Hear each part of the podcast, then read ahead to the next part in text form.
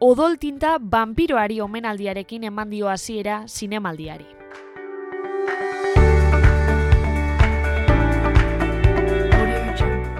Bilboko zinemaldi fantastikoak Dracula omentzen duen erakusketa aurkeztu du gaur jaialdiari hasiera emateko. Odol tinta vampiroari omenaldia du izena erakusketak eta bertan fantasiasko generoaren funtsesko ikon horretan inspiratutako irudiak egongo dira.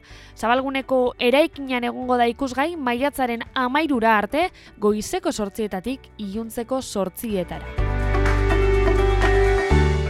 Zinemaldiaren hogeita zazpigarren edizio maiatzaren zazpitik amazeira arte izango da eta bertan beldurrezko filmak, erakusketak eta emanaldi bereziak izango dira denetarik. Izan ere, Zinema jaialdietan, pelikulez gain, bestelako jarduerak eta topaketak antolatzea e oso garrantzitsua da.